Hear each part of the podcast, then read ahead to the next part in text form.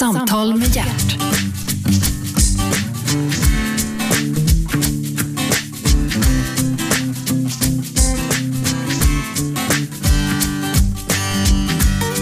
God morgon och hjärtligt välkomna till Radio 1, Pratradiokanalen nummer 1. Programmet heter Äntligen. Jag heter Gert Fylking och äntligen är Steffo Törnqvist här. Välkommen. Tack så hjärtligt. En haltande Steffo gör entré in i studion. Alltså, märkte du det? Ja, jag, jag tycker att haltandet har gått över lite. Det var värre för ett år sedan. Jaså, Alltså, vad är det som har hänt? Det, det börjar med att jag drattade på arslet i Alperna för fyra år sedan och drog av kors och ledband i ena knät. Jaha. Och så opererade jag det. Mm. Och så tränade jag och eh, sen sa jag till dem, eh, jag vill åka skidor igen. Jaha. Jaha, sa de då, då ska vi utsätta dig för maxtest. Och när jag gjorde maxtestet så spräckte jag menisken i andra knät. Jaha. Två operationer där och sen har jag triggat igång en artros och eh, ja, det är massa skit. Mm, artros känner jag väl till eftersom jag hade en sån i höften och fick Mm. eh, byta höftkula. Gick det bra? Det gick bra. Jag skulle vilja säga att eh, 100% bra är jag inte. Nej. Men jag är ungefär 95% bra. Ja, och innan du gjorde operationen då var du... Då var jag helkass. Ja. Alltså då fick jag inte på mig strumporna, då kunde jag inte böja mig.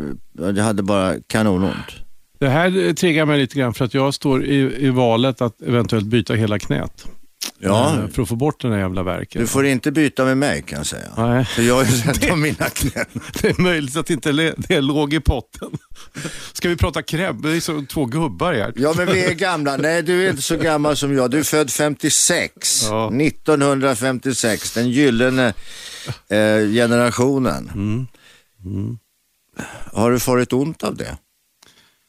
Eh, nej, inte alls. Eh, nej, inte alls. Ja men det finns ju jämförelser. Det finns ju gott om jämförelsematerial.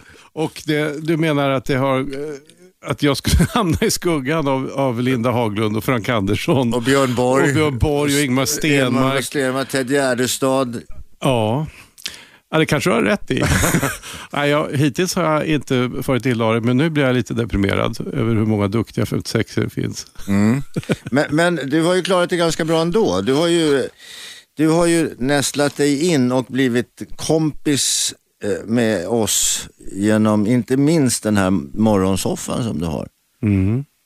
Ja, det har haft det. Det är el- elfte året som jag kör eh, Nyhetsmorgon på TV4. TV4 är bra på det där tycker jag. De tar hand om sina, eh, vad ska jag säga, eh, Stofiler. nej inte stofiler, profiler skulle jag säga Åh, snarare. ja, ja. Eh. Jo, men det, det gör de väl. Dels för att det är, det är hyggligt folk eh, där på kanalen, men det är också en av affärsidéerna att man odlar sina profiler. Så att tittarna får en relation med dem, hinner, hinner få en relation Ja, för det tar dem. ju faktiskt ett par år om man ska ha den typen av program som, som du har. Jag hade ju förmånen Mm. att jobba i tio år på Morgonzoo i systerkanalen här på Rix Mm. FM. Det tar ett jävla tag alltså innan folk, jaha han är sån eller hon är sån. Och Ja. Det var väl roligt eller det var ju synd. Ja, de kan, de kan ju filtrera tillvaron genom en, men det, det, och det tar, jag skulle säga att det tar en, åtminstone tre, fyra år. Innan Men hur lång tid tog det för dig att inse att du måste gå upp på morgonen Ah, Steffo? fy fan. Alltså, an, första morgonen så var jag ju så taggad så då vaknade jag eh, och, och var pigg och glad och körde. Va? Men redan andra morgonen så satte jag mig på sängkanten eh, drog på en tröja som om de vore byxor och ramla och slå skallen i och låg, låg bredvid sängen. Tänkte, det här, det här, var det så här det skulle bli?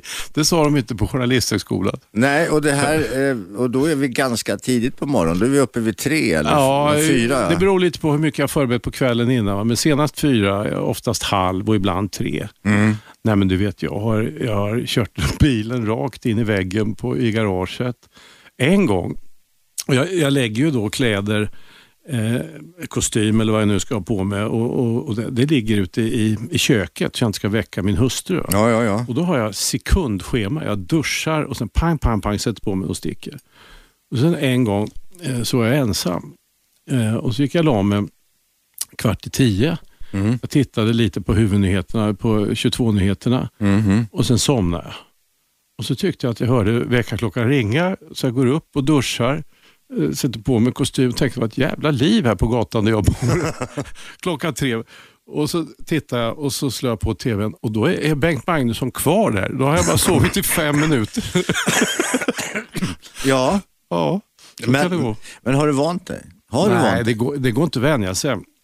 Jag, är, jag blir lika trött och eh, deprimerad. Kan man, alltså, om man är riktigt trött så förstärks ju alla känslolägen. Man blir Mm. Ja. Mm. hysteriskt glad och hysteriskt ledsen. Och det där, så är det fortfarande. Men jobbet är så jädra kul så att jag struntar i det. Jag kör på ändå. Mm, Men har, har ditt usla morgonhumör följt med dig in i tv-studion? Ja. Det, det har det ja. ja. Eller strax innan vi går in i tv Ja, för där, där har kollegor till dig vittnat om att du inte är lätt att tas med, Steffo. Ja, Va? så farligt är det kanske inte. Du, jag har hört att det har varit, eh, ja, vi ska inte gå in, vi ska inte starta något krig här mellan dina kollegor. Du är väldigt omtyckt, men du har innan, innan, eh, ja du är som en cirkushäst. Ja, det är klart. När, när ljuset går på och kamerorna är igång, då är det den trevliga jovialiska Steffo Törnqvist som Ja. sitter där. Och annars då? Vad är det då? Fram tills dess så är du, har jag förstått, du vill inte gärna prata med någon. Eh, du har ganska kort emellan eh, ett påstående och en ganska häftig reaktion om vi säger så. Du behöver lite egen tid för att lite komma igång. Ja, det är klart som fasen. Mm. Eh, Och du tycker inte om sånt där kvitter, morgonkvitter och massa pigga människor som pratar högt nu Nej. och har synpunkter. Nej, Nej. nej. det gör jag inte. Utan, vad fasen, klockan är fyra på morgonen Ja. och jag har fyra direktsända timmar framför mig. Mm. Eh, det är väl inte så konstigt att man inte vill höra massa skitsnack. Nej, absolut. Jag delar helt din uppfattning. Jag, när jag jobbade på morgonen ett så kom jag på att jag behövde inte gå upp förrän klockan fem. Eh, Eftersom vi börjar sex. Men, och radio är lite mindre förberedelse. Man behöver inte gå in i smink och man behöver inte vara speciellt eh, välklädd och sådär. Man behöver inte vara snygg. Man är för, man, är man, jobbar man med radio då är man helt enkelt för ful för TV. Ja, Men eh, ska, man kan vara ful i tv om man är man. Ja, Det går jo, bra det stämmer, också. Det stämmer. Ja, det, det är ju du ett bevis för. Ja, exakt. Nu var jag inte snäll. Eh, i, I alla fall, då kommer jag på det att fem, det är på natten. Och allting innan fem är alltså på natten. Sex däremot, det är på morgon. Det är en väldig skillnad att gå upp på natten och gå upp på morgonen. För de allra flesta människor i det här landet går faktiskt upp, eller åtminstone har väckarklockan vid sex. Så är det. Ja, men sex är ju, det är ju sovmorgon. Det är en anständig tid. Ja, Tre, halv fyra är inte det och då måste man bli hanterad lite varsamt. Till exempel inte hålla på. Man, man, man måste vara lite följsam när det kommer in en sån här gubbe. och de är det, mina arbetskompisar är det. Det är ju snälla människor. ja de har Kloka lärt sig. människor. De har Ja. lärt sig det. Ja, Det har varit en, en hård skola, men de har lärt sig. de har lärt sig. Men tänk om alla vore som du då Steffo, då skulle det inte gå ihop sig riktigt. Det skulle vara en jävla rolig värld. Du, vi backar bandet lite grann. Steffo Törnqvist, född 56. Var? I Linköping, Jaha. eh, där jag också sen bodde eh, till och med gymnasietiden och sen var jag tillbaks där.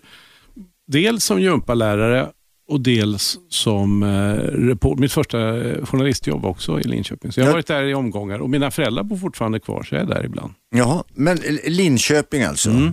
Östergötland, du vet. Östergötland ja. En stor stad numera. Ja, eh, det, det är det. Det har blivit- Jag garvar för att de kallar sig, vilket jag tycker är korkat, Linköping och Norrköping ihop kallar sig den fjärde Jag skulle just storstadsregionen. komma till det. Och det är det- helt värdelöst. Då Nej, finns men- det ju tre bättre. Jo, men eh, anledningen till att man, man har lagt en sån aspekt på det tror jag är att det handlar om, om sjukhus, det handlar om brandförsvar, det handlar om sådana där mera sådana saker. Därför kallar man det för en storstadsregion. Ja, alltså de skulle kunna sp- spinna kring ordet storstad därför att många av storstadens eh, eh, fördelar finns där.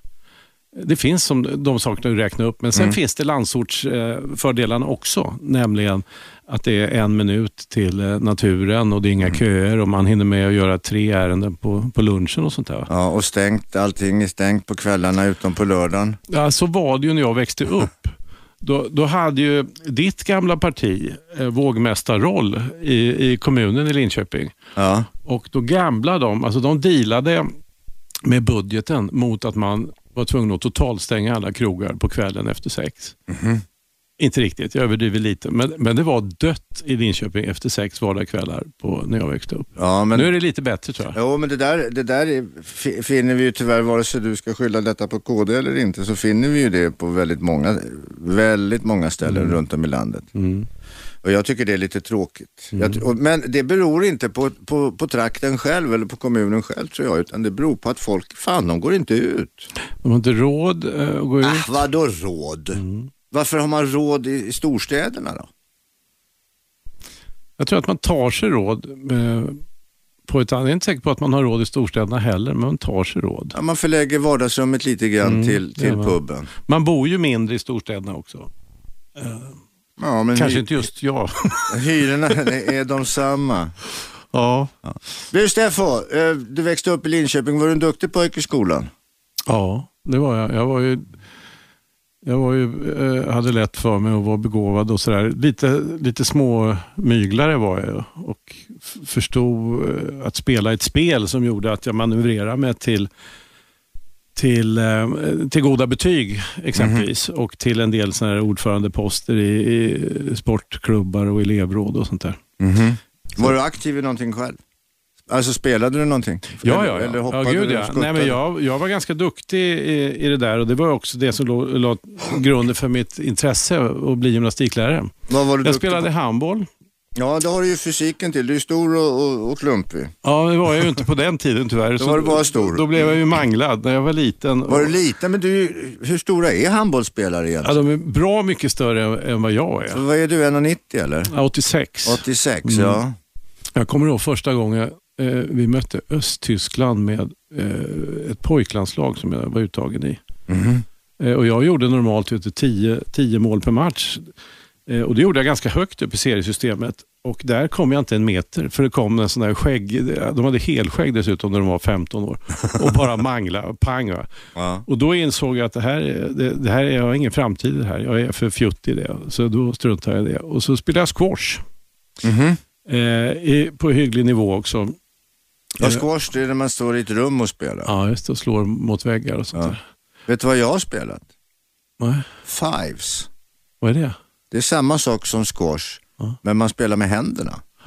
Det, det har jag sett en gång. Det ser En- bra ut. En Ja. handske på varje hand har man och så slår man så att du har två forehand att slå med. Bra. Ja, det Det är kul va? Ja, man blir rätt, eh, alltså man får rätt ont i händerna om vi säger så. Men allt, allt med boll eh, har roat mig. Genom, genom, jag höll på med allt med boll. Fotboll. Mm, oh ja. Och så håller du på att klaga på att du har ont i knäna, det är väl inte så konstigt? ja, jag vet. Det är Alltså- vi visste ju, jag vet inte om stretcha är bra, men jag har, har aldrig stretchat i hela mitt liv. Nej. Och när vi värmde upp, och det var ända upp eh, till och med i division 2, då la vi armen på elementet i omklädningsrummet.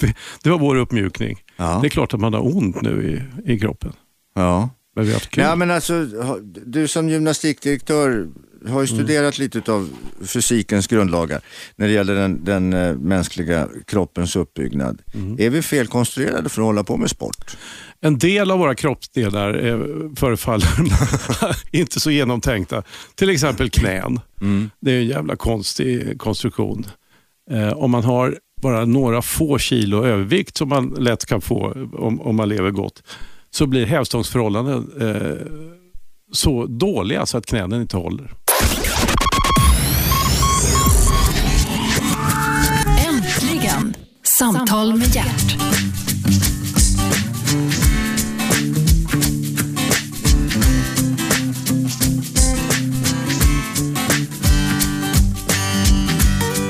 Välkomna tillbaka, du lyssnar på Radio 1. Programmet heter Äntligen. Jag heter Gert Fylking och äntligen är alltså Steffo Törnqvist här. Inte renlevnadsmannen, men vad heter det? njutningsmannen Steffo. Ja, så kan man säga. Och det, det, det kanske låter som att det där är, är oförenligt, men det tycker inte jag. Nej, jag förstår att du inte tycker det eftersom du, du har ju gjort det till ett levebröd och du har gjort det till en livsstil. Och eh, du ser ju faktiskt ut att må någorlunda bra. Tack. Ja, även om vi nu har fått reda på att du har fruktansvärt ont i bägge knäna. Mm. Eh, och, och har hållit på med sport som har drivit fram kanske mycket av det där eländet. Mm. Men du, vi backar bandet ytterligare här. Du, gymnastikdirektör. Det är ju en Mm. väldigt eh, konstig titel på ett jobb. Ja, och det är dessutom... för vad då? Ja, det är en titel som jag själv aldrig i livet har använt just eftersom jag delar din uppfattning att det är en jävla kalanka titel Mm. Gymnastikdirektör. Men alltså, jag är lärare, eh, blev jag efter den där utbildningen. Gymnastiklärare? Exakt. Okej. Vad får man lära sig på GIH? Ja, alltså gymnastik och idrottshögskolan betyder det? Ja, jag var ju väldigt kritisk mot den utbildningen för jag tyckte inte att man fick lära sig det som var meningen, nämligen att bli en bra lärare. Man fick, Pedagog alltså? Ja, och ta hand om barn och eh, eh, försöka föra in barn från barndom till vuxenliv och, och sådär. Va? Utan jag tyckte att man blev en väldigt bra eh, idrottsledare, en tränare. Idrottsledare. Man får lära sig en massa sådana saker som har med idrotten att göra och mindre eh, av det som har med pedagogik och, och, och barns behov att göra. Så var det då. Vi pratar om mitten av 70-talet. Det, det må ha hänt väldigt mycket sedan dess, det vet inte jag. Men när jag gick där så var det på det sättet.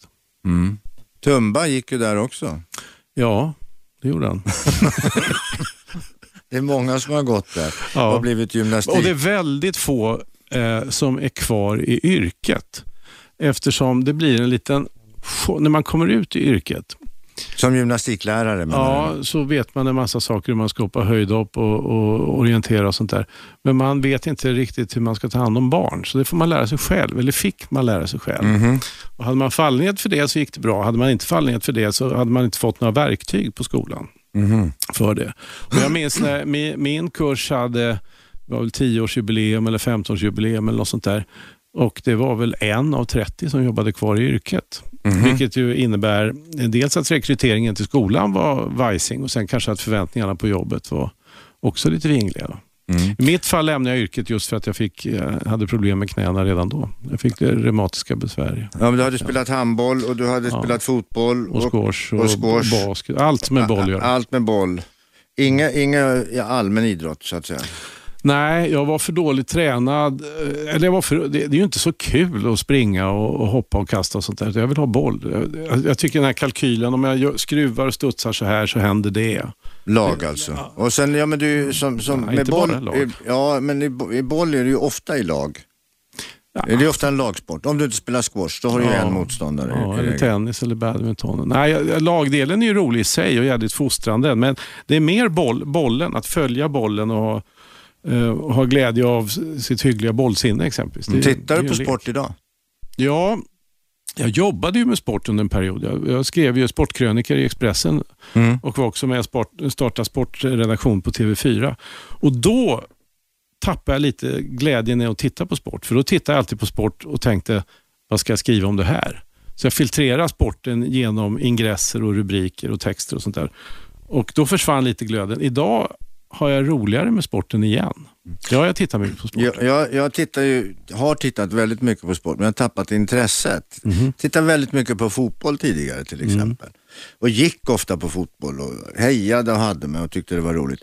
Nu är det ju bara, jag tycker det är skit. Alltså de klagar och de ramlar och de fuskar och domaren, eh, Mm. jag vet inte vad och, och man klagar på allting. Man klagar på domaren för att han gör ett, eventuellt ett misstag. Mm. Men, nu tänker du fotboll, för i handboll är det ju inte så. men, nej, jag tänker fotboll. Alltså, Ja. i fo- Men när de själva missar en passning Mm. eller ett, en, en, en spark mot mål, Mm. då är det ingen som klagar. Nej. Men eh, Alltså, jag tycker det är skit. Jag har slutat att titta. Barcelona, Nej. Åh, det tittar jag på.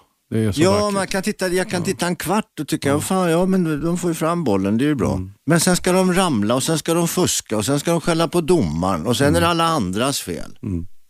Och sen ska de tjäna 100 miljoner i månaden dessutom. Ja, nej, men du, du gör ju rätt slutsats. Om du är irriterad på så många grejer, då kan ju du kolla på något annat. Ja, det gör jag också. Ja. Och, och, och allvarligt talat, det är lite roligt det där att jag tittar faktiskt med lite större behållning på damfotboll. Mhm. Även om jag anser att damfotboll är att jämföra med, med det är som V75 med kor ungefär. Ja. ja, men så är det ju. Om du tänker på spelkvalitet så är ju damfotbollen rätt, eh, rätt bedrövlig. Jo, men den är förmodligen som fotbollen, eller som jag minns fotbollen Ja. från det att när jag, var, när jag var ung och tyckte att fotboll var kul. Man fuskar inte, man skäller inte på domaren, man slänger sig inte ner på marken och vrider sig i plågor. Men man sätter heller inga 40 meter skott i krysset. Nej, är det en, ja, och? Och det är lite det man är ute efter att titta på. Jaha, okej. Ja, ja, ja, det är klart du har rätt. Du sitter ju i tv och Och du sitter i radio. jag står i radio. Men du, eh, Steffo Törnqvist, du växte upp i Linköping, hade en trygg och trevlig uppväxt och, och fuskade dig till bra betyg i skolan. Ja, delvis fusk, men, men jag, jag har ganska lätt för mig med sådana saker. Ja, det var tryggt och tre, snälla föräldrar som drev eh, klädbutik Jaha. där jag eh, jobbade extra på helger och sommarlov och sånt där. Syskon? En syster som är inte riktigt ett år äldre, men nästan. Eh, och Hon tyckte det var så besvärligt med mig i uppväxten så hon blev psykolog. Jaha. Och, och Hon bor här i Stockholm, så Okej. vi, vi träffas här. Mhm. Du, hur har du med kärleken själv? Eh, alldeles utmärkt tack. Jag har ju eh, testat några varv Mm. och eh, sen tre år så är jag gift med eh, Karo Mm. som är något helt annat än i mediebranschen. Tidigare har jag, har jag testat några i mediebranschen med, med dåligt resultat. Men Karo är eh, jurist Mhm. på Nordea och det är, vi har skitkul. Ja, men vad roligt. Jätteroligt. Så. Barn? Ja, tre eh, tillsammans. Mm. Eh, jag har Max Groda som går på universitet i, i Australien. Okej. Och hon har två barn som också är, är vuxna, 20 och 22. Så, där, så att vi lever ett, ett vuxenliv och så kommer så träffar vi barnen ibland och har jävligt kul. Barnen kommer och de behöver pengar alltså. Ja, exakt. och lite mat. Men det där är väl bra att skicka iväg grabben till Australien? Eller Ja. det är kanske lite långt bort, men att skicka iväg dem ja, det, är utomlands bra. en sväng. det är bra.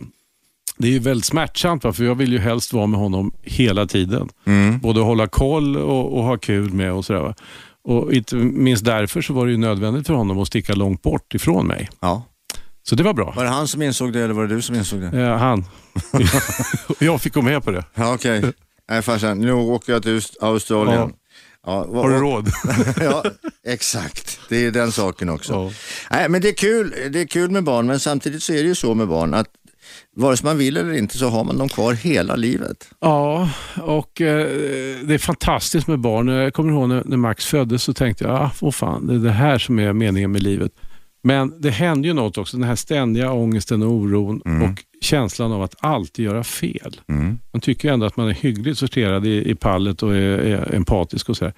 Men i föräldraskapet så känns det som man gör fel hela tiden. Äntligen! Samtal med hjärt.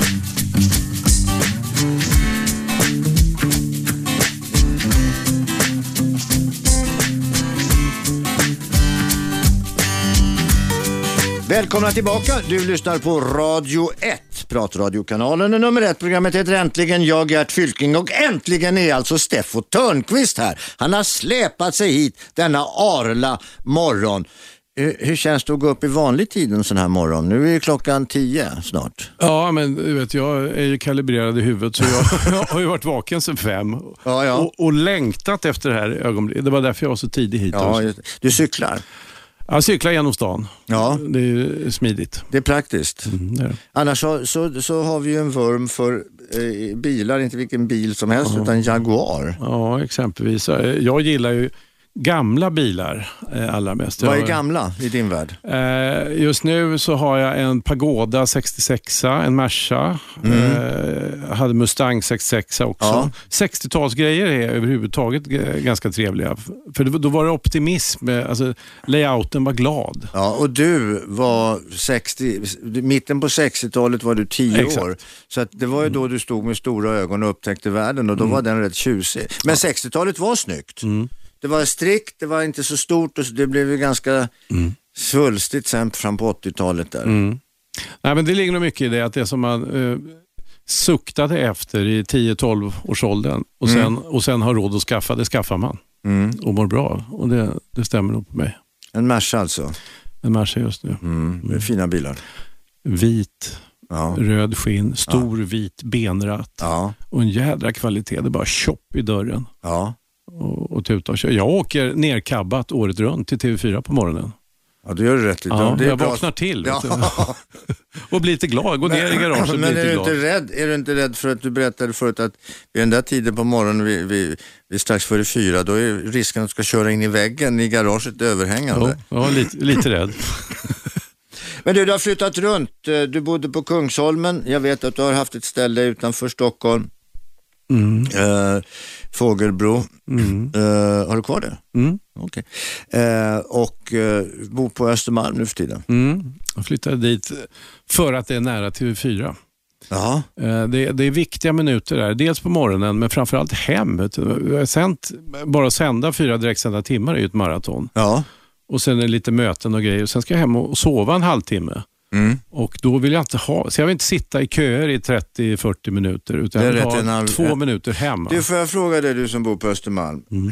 De här ständiga köerna på eftermiddagarna på Strandvägen, var fan kommer de ifrån? Ja, men de, ser inte jag, jag är inte där ute. Nej, men var Jag bor på kommer... Nybrogatan. så- Ja, men att du vet väl om problemet? Ja, ja, jo, visst. Varifrån kommer alla dessa jävla bilar? Jag tror de kommer från Lidingö, tror jag de kommer. Och så åker de runt där vid Gärdet, tror du inte det? Och ställer sig i kö där.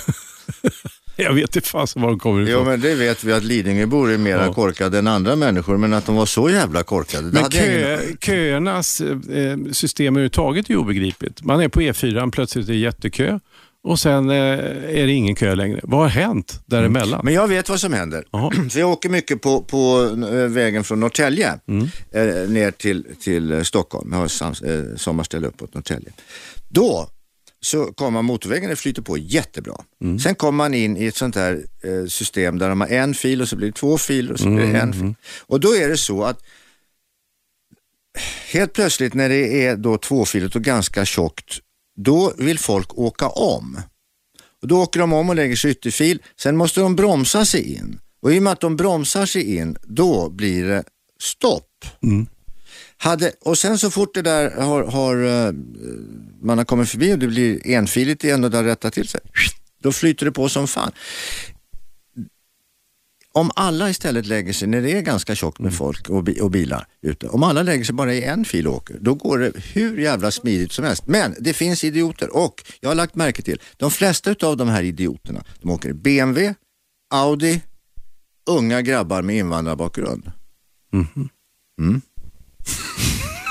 här, jag vet inte om jag köper den här köernas eh, dramaturgi. För det, köer fanns även innan det här 2-1-systemet ja, infördes. men inte, inte det här trängandet.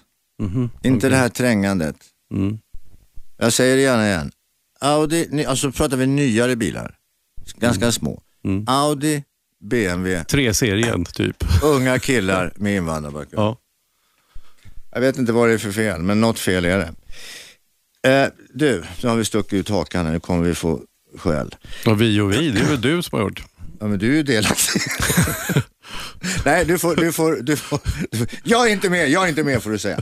Du, Steffo Törnqvist, eh, gymnastikdirektör, har du gjort militärtjänsten? Ja, där eh, myglade jag ett tag och lyckades sk- skjuta upp det i tio år och sen gjorde jag en tidning som heter Värnpliktsnytt istället för att göra riktig lump. Jag fick göra tre, tre veckor någonstans i, i skogen, men sen gjorde jag en tidning, Värnpliktsnytt. Nu, numera nedlagd. Men bra tidning. Ja. Mm. ja, jag kommer ihåg den. Jag jobbar heltid på DN samtidigt. Ja, men du, du var ju gymnastikdirektör. Ja, så jag bytte. Under de här tre veckorna så sa jag till dem, vi var någonstans uppe i Strängnäs, så sa jag, jag tar hand om fysträningen mot att jag får lediga fredagar. Ja, deal sa de. Jaha. Eh, så att det gjorde jag. Du har alltid varit något av en myglare har vi fått höra. Det, det är rätt. Men det där var ju inget mygel, det var ju en bytesaffär. Det var en bytesaffär eh, och det var helt rimligt. Mygel var det kanske när jag ringde en måndag morgon och sa att tyvärr har jag nu på morgonen spelat squash och sprungit in med huvudet i väggen och har lite ont i huvudet. Eh, så jag kan inte komma. Nej. Och Jag visste ju då att eh, huvudskador så ska man, då ska man rekommendera att man ligger still och så ska man he- skicka en läkare hem till mig. Ja. Jag visste det, men jag behövde samtidigt då måla om eh, väggarna hemma i, i lägenheten. Så att det var ju upp till dem att skicka en läkare eller inte. ja, ja, ja. Och Det gjorde de inte. Och Där rök då en tredjedel av min grundutbildning i, i värnplikten. Ja, och det var mygel. Det var mygel. Ja, det var mygel. Han du lära dig att stå i, i vakt? Ja, men det tror jag jag kunde eh, efter GH-tiden. Ja, för istället för att lära oss som elever så lärde vi oss att stå i vakt där. Ja, men det är bra. Du var alltså gymnastikdirektör eh, och sen blev du journalist. Ja.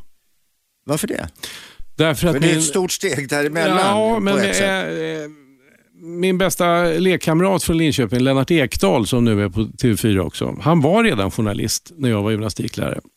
Och När jag skulle göra något annat, för jag fick ont i knäna då, så hade jag tänkt bli läkare, för det var alla mina släktingar på manliga sidan, mammas manliga sida, alla läkare, kusiner och morbröder. Och Men dina föräldrar hade ju en, en klädaffär. klädaffär. Ja, men det, var inte, det tyckte jag inte var så kul. Nähä. Eh, och Det var Ekdal som sa till mig att vad fan, du borde söka journalisthögskolan. Det passar dig som, som eh, babblar och är intresserad av samhället och sånt där. Mhm. Eh, och så gjorde jag det. Eh, och Av en slump så kom svaren från, för jag sökte medicin också, så kom svaren i den ordningen att jag tackade ja till Journalisthögskolan utan att veta egentligen vad jag gav mig in på. Och jag fastnade, för lektion ett på Journalisthögskolan så satt jag blev, blev en tjej som heter Vivian Sprängel som jag inte vet var hon jobbar nu, men hon var på TT länge och sånt där.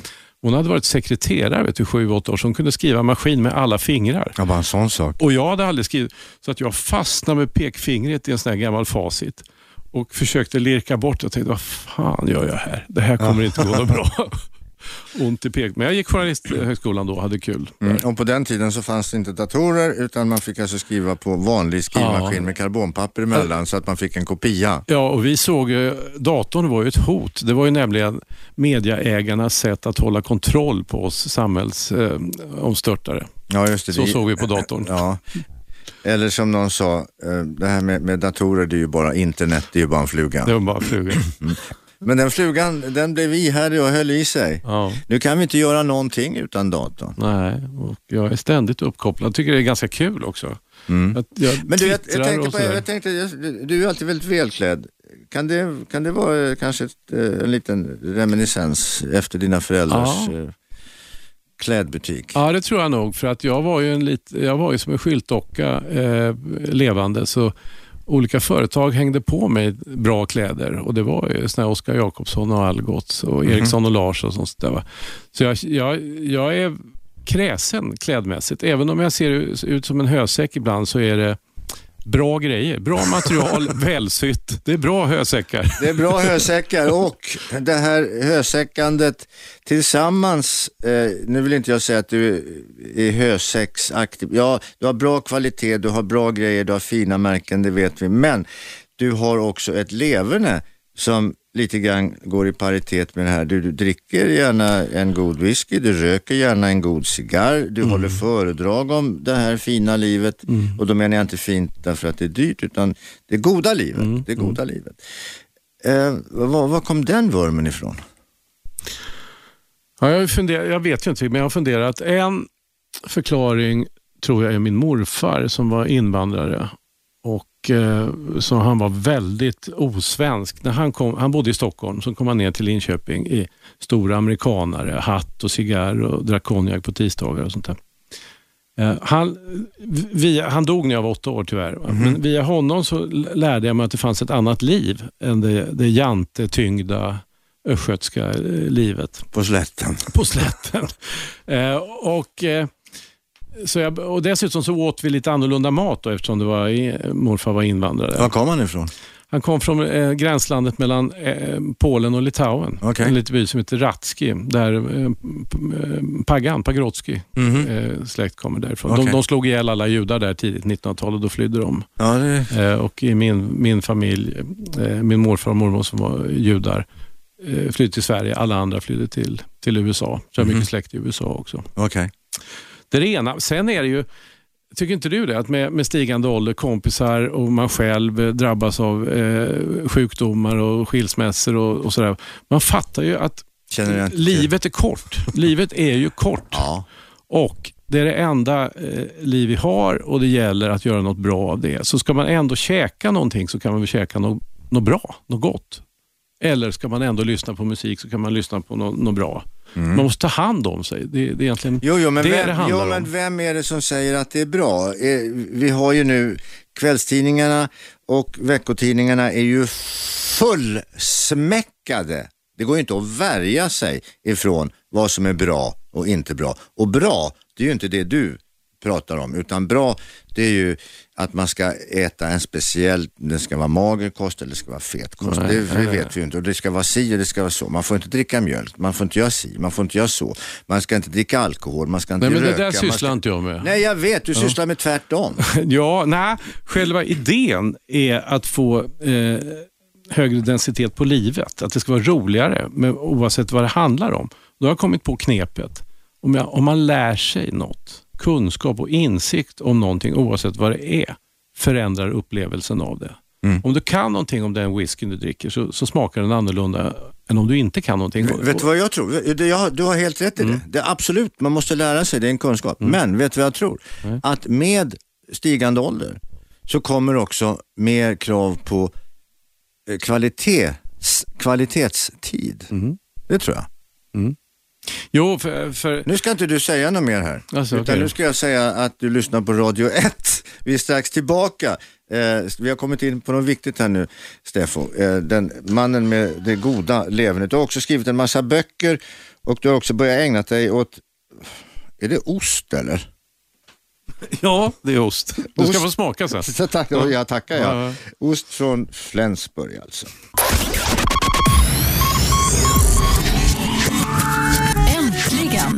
Samtal med hjärt.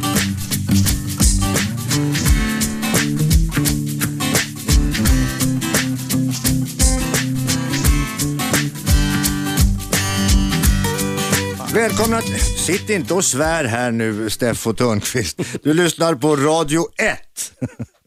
Eh, programmet heter Äntligen, eh, Gert Fylking heter jag, Äntligen är alltså en svärande Steffo Törnqvist här. Är, är du, är, du har lite rykte om det att vara lite, jag ska inte säga sur, men förbannad understundom. Du blir arg på vissa saker och då jävlar, då tänder det till ordentligt. Ja, alltså jag har, jag har dåligt tålamod, Ja. eh, märker jag. Ja. Eh, och, eh, jag, jag, jag tycker att jag är trevlig och skämtsam i alla lägen, men jag har ju förstått att jag kan bli förbannad.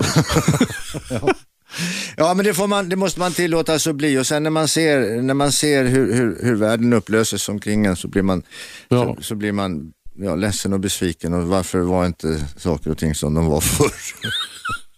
Jag förstår dig så väl Steffo. tack, tack. Men du, eh, du har skrivit en massa böcker om hur man lever det goda livet. Ja, jag har i alla fall eh, skrivit en massa böcker eh, och, och gett tips om eh, hur livet för mig blir roligare. Mm. Eh, och Jag har ju märkt då att om jag tar mina journalistiska talanger och så tar jag reda på allting om till exempel ost. Då lär jag mig om ost och då blir ost otroligt mycket godare för mig själv.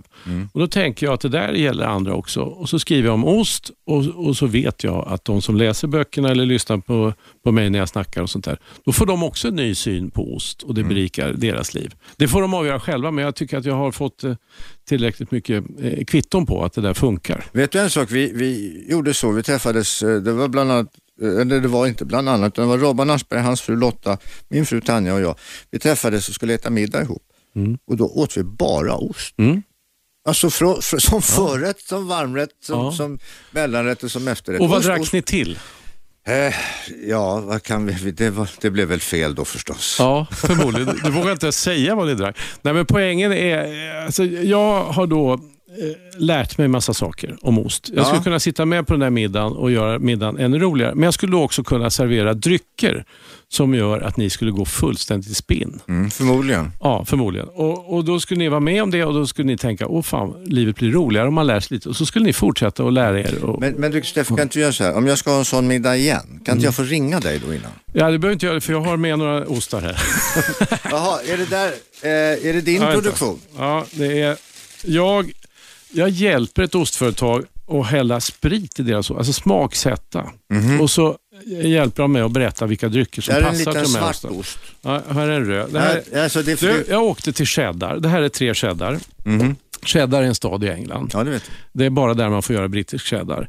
Och då jädra omsorg och kärlek om osten. Men när de skulle hälla whisky i, då hade de köpt billigast tänkbara bulkblend på, i plåtburk och hällde i. Va? Och sa, det här vill inte jag vara med om. Och så fick de en lista med de bästa maltwhiskysorterna. Här det är Highland Park och det är Ardbeg och, och, och grejer. Va? Dalwhinnie och Macallan. Och det är så gott. Och så lagrar jag ostarna dessutom ett år längre än vad de någonsin har gjort där i cheddar. Mhm. Och det, är så, det är kul att berätta om det och det är gott det är livet. Pro- Prova de här och sen drick, Ja. drick samma whisky till som du har i osten. Det, det är ett bra sätt. Då ska vi se, det är tre, det är, jag har tre små ostar här. Det ska vi se. Eh, det är malt whisky. Ja, det, nej, det är allt. det. Är Speyside och det är Highland och det Jaha, är Isla. jaha då, så, Ja, jaha, det står, då förstår jag. Då förstår jag. om du Så, sätter på jaha. dig glasögonen så Ja. ser du vad det står på den där lilla banderollen. Där. Ja, ja, tack snälla Steff. Här, här har du en präst med, med maltwhisky också. Den här, om du tar den där och så skär du det, för, före middagen nu när, när, när de kommer dina polare, så skär du upp den där i stavar. Mm. Och De här stavarna ska du doppa kortsidan i dijonsenap så blir det lite som en klisterklutt. Och så går du vidare och doppar i sellerisalt, Mhm. senap, salt, in i munnen och så sköljer du ner med trappistöl. Helst Chimay Bleu. Trappist. Det är så jädra gott. Ja, Kommer du jag- ihåg det där? Som sagt, jag får ringa dig. Trappistöl alltså. Du kan bjuda mig så kommer jag, det där jag grejen. kan bjuda dig så kan du få, Mm. få hålla en liten föreläsning. Men för det är sånt du håller på med också. Man, man kan bjuda in dig så har du lite föreläsning. Ja, det, där blir, det har ju blivit halva mitt yrkesliv. Ja. Åka omkring och, och snacka om sånt här. Mm. Med sprit. Eh, jag dricker ju eh, sprit eh, också mm, och whisky. Men jag dricker ju Famous Grouse Mm. och ungefär 75% kranvatten i. Mm. Eh, får man göra det? Man får väl göra. Man får göra. Du kan hälla den där whisky i örat också utan att bli straffad. Man får göra precis hur man vill. Men det kanske inte är tänkt att man, producenten hade kanske en annan avsikt. Jo, men å andra sidan så har jag ju lärt mig det att man ska dricka mycket vatten. Som jag har druckit en flaska whisky så har jag ju per definition Ja. i den, då har jag ju druckit tre flaskor vatten också. Jo, om, om det bara handlar om att få i sig vätska i, i mängd, då, då beter du dig kanske korrekt. Men det, finns ju, det kan ju följa med en njutning med vissa av, av sväljandet. Ja. Och det är inte säkert att det blir gott det där du beskriver. Det känns inte så. Det, det är det optimala sättet att få en njutning av whisky. Ja, alltså jag gillar det och tänker väl hålla fast vid det. Men du får gärna övertyga mig om det, något annat. Är du bra på, på rödvin och sånt där också? Ja, hyggligt bra. Inte, inte lika, det är sprit som är... eh, Alltså rödvin är ju så många som kan. Sprit jag är Mm. Men vet den du, enda i hela jag, världen brukar, som kan. jag, brukar lära, jag brukar lära min omgivning Mhm. som alltid kommer och ska servera, eh, man ska dricka snaps så ska den vara kyld. nej, nej, och då nej. så sa jag, Ja. nej hallå, hallå, vi dricker rumstempererad snaps här. Bra. Det har nämligen Steffo sagt. Ja, bra. Därför Bra. att det är där smakämnena finns. Ja, exakt. Ja. men det är ju enkelt. Va? Om, om du ramlar här och slår eh, näsan i tangentbordet framför dig, Mm. då kan ju du ta is för att bedöva smärtan. Mm. Kyla bedövar och kyla bedövar också smaklökar. Så har du en Ja. kall dryck så kan du inte känna smak. Och Nej, och du hävdade också, att, eller sa också att det var ett sätt att skryta att man kunde kyla grejer. Ja, för det var så dyrt det var från så början. dyrt med ja. is och, och kylskåp. Och Ja, du kommer ihåg det. Det är Ja. flera år sedan. Nej, ja, men jag kommer ihåg det där för att så, vissa saker som jag tycker Mm. är vä- väsentliga lägger jag på minnet förstår du. Ja. Du Stefan, vad händer härnäst? Kort. Eh, I livet eller just li- idag? li- nej, livet idag. Eh, kan- Nej, jag håller på. Jag, eh, nej, det, det rullar på hyggligt som vanligt. Jag kommer att köra Nyhetsmorgon åtminstone ett år till tror jag. Mhm. Jag håller på att skriva på en ny bok. Jag ska avsluta det här spritprojektet med en, jätt, en spritbibel kan vi kalla det. Mhm. Eh, som jag håller på och skriver på. Eh, nej, that's it. Det, det, Det är yrkesmässigt om det var det du, du frågade. Annars hade jag tänkt fortsätta vara gift också ja, men det är bra. eh, ett tag. Ett, ett tag Och- till. Och, och dela de, det goda livet med hustrun. Just det. Men du, eh, en sak bara. Nu när du, du berättade tidigare att du har fel på bägge knäna. Mm. Eh, Risken om man har fel på knäna är ett att man kan träna och tränar man inte så förtvinar, man, förtvinar Mm. musklerna och förtvinar musklerna så är intresset för att träna inte speciellt Mm. stort och så sväller man. Och så eh, blir ryggen sned när man haltar. Och där, precis det läget är jag nu. Så att det är möjligt att jag Mm. Men du får se byter upp. ut hela knät. Du får kanske. se upp så att det inte blir tjo- tjock-Steffo nu. Ja, men så farligt tjock är jag ju inte. Nej men jag sa, du får, jag får se, upp. sa du. Ja, ja, Ja, men det måste- gör jag också. Ja, för det, Mm. du vet, ja, ja, du vet allt om fysik, du är ju gammal gymnastikdirektör. Mm. Och eh, Steffo berättade också en massa, du, du säger det där konstiga långa ordet som du kan på, på latin. Nej, jag var ju för- förvånad att jag kom ihåg så mycket från GH. Och jag sa musculus sternocleidomastoideus. Och det är alltså, Ja, det är det här när du vrider huvudet Ja. och, och spänner och du ska spela spöke till exempel. Sådär. Då kommer det ju en sträng här på Ja. halsen. Det är den muskeln som gör Ah. att huvudet kan vrida. Underbart. Tack så mycket Steffo. Tack, man får alltid lära sig något när man är i Steffo Törnqvists sällskap. Tack så mycket alla ni som har lyssnat. Ni lyssnar på Radio 1. Programmet heter alltså Äntligen. Jag heter Gert Fylking. Vi hörs imorgon. 101,9 Radio 1. Sveriges nya pratradio.